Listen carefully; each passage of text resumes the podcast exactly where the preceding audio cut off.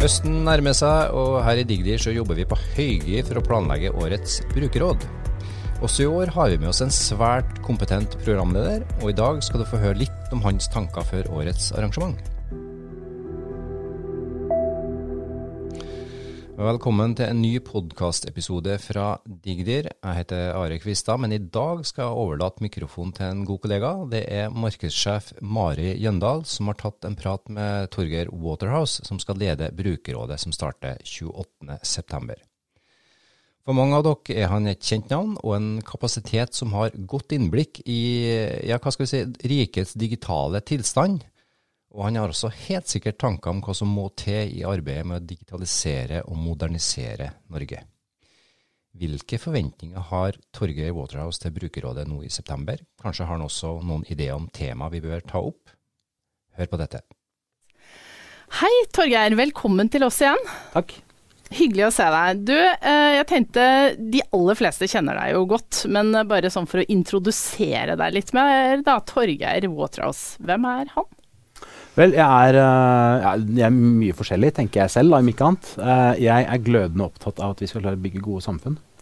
Og så er jeg glødende opptatt av at vi skal ta i bruk teknologi for å gjøre det. Og at vi ikke skal stå fast i måter vi har pleid å gjøre ting på. Jeg syns tradisjoner er viktig. Jeg syns sjelden tradisjoner er så viktig som mange andre syns. Så det å utfordre det vi gjør, utfordre måten vi tenker på, men liksom holde fast ved grunnverdiene uh, og forstå at vi organiserer oss for å få til noe vi organiserer oss ikke for å organisere noe. Og, og, og der, i det så ligger det for meg veldig, veldig mye rundt bruken av digital teknologi. Mm. Og, og, hvordan vi kan bygge best mulig samfunn og bygge best mulig tjenester. Enten vi snakker om for næringsutvikling, for folks liv, i helsesektoren, i utdanningssektoren, hva det måtte være. Ja, dette svarer du godt på. Altså, for oss som har sett deg et par ganger, så er det jo veldig gjenkjennbart. Og ikke minst en viktig grunn til at vi vil ha deg med deg på årets uh, brukerråd uh, også. Nå deltok du jo i fjor. Eh, har du med deg noen erfaringer derfra? Syns du det var lærerikt? Absolutt. Noe av det jeg tok med meg derfra, og som jeg har tenkt en del på etterpå, også, er nettopp dette hvordan vi kan vri disse tingene til å henge godt nok sammen. Jeg er litt, jeg litt bekymra for at vi, selv når vi snakker felleskomponenter, ender opp med å bygge siloer og tjenester som alle forventer å stå i midten og være det viktigste. At vi må klare å se hele linja fra de nødvendige komponentene som skal være felles og delte, men helt ut til der tjenester skal bygges og tjenester skal brukes. Så at vi får dette til å henge sammen, og vi ender opp med gode tjenester rundt deg og meg fremfor tjenester som er bygd godt rundt en felles komponent. Og det, og det, handler om å få til en god dynamikk mellom komponentene og tjenestene. Og det opplever jeg at det er fokus på. Og jeg opplever en vilje og en nysgjerrighet begge veier, både fra tjenestebyggerne og fra komponentbyggerne. Men også nysgjerrighet på hverandre.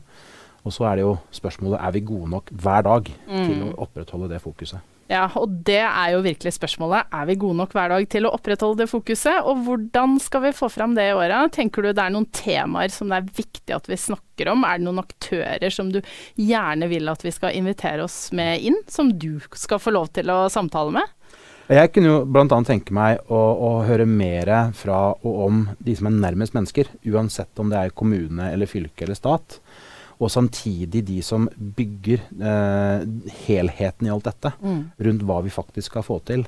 Og samtidig de som også forstår at dette handler jo om å også bygge om, eller bygge ned, det vi allerede har fra før. For det vi skal forstå her, er jo også at dette skal ikke bare handle om å legge til rette for noe, men det skal handle om å legge til rette sikkert. Men det skal også handle om at vi gjør fysiske tjenester, fysisk organisering, utilgjengelig, eller unødvendig, mener jeg. Samtidig som vi må ivareta en sikkerhetsventil eller en tilgjengelighet for de relativt sett få, men likevel mange individer som ikke er så digitale som det du og jeg er. Så det spenn, alt dette spennet her, og alt det der hvor eh, konsekvensene av komponentene møter menneskets utfordringer i det daglige, og der hvor man trenger å lykkes for å forstå at alt i min tjeneste er ikke det viktigste. Det er samspillet her som er helt, nødvendig. Mm. Og det er det at vi lager gode tjenester for innbyggerne og for næringslivet som er nødvendig. At vi ikke bygger det for etatenes egen del. Mm.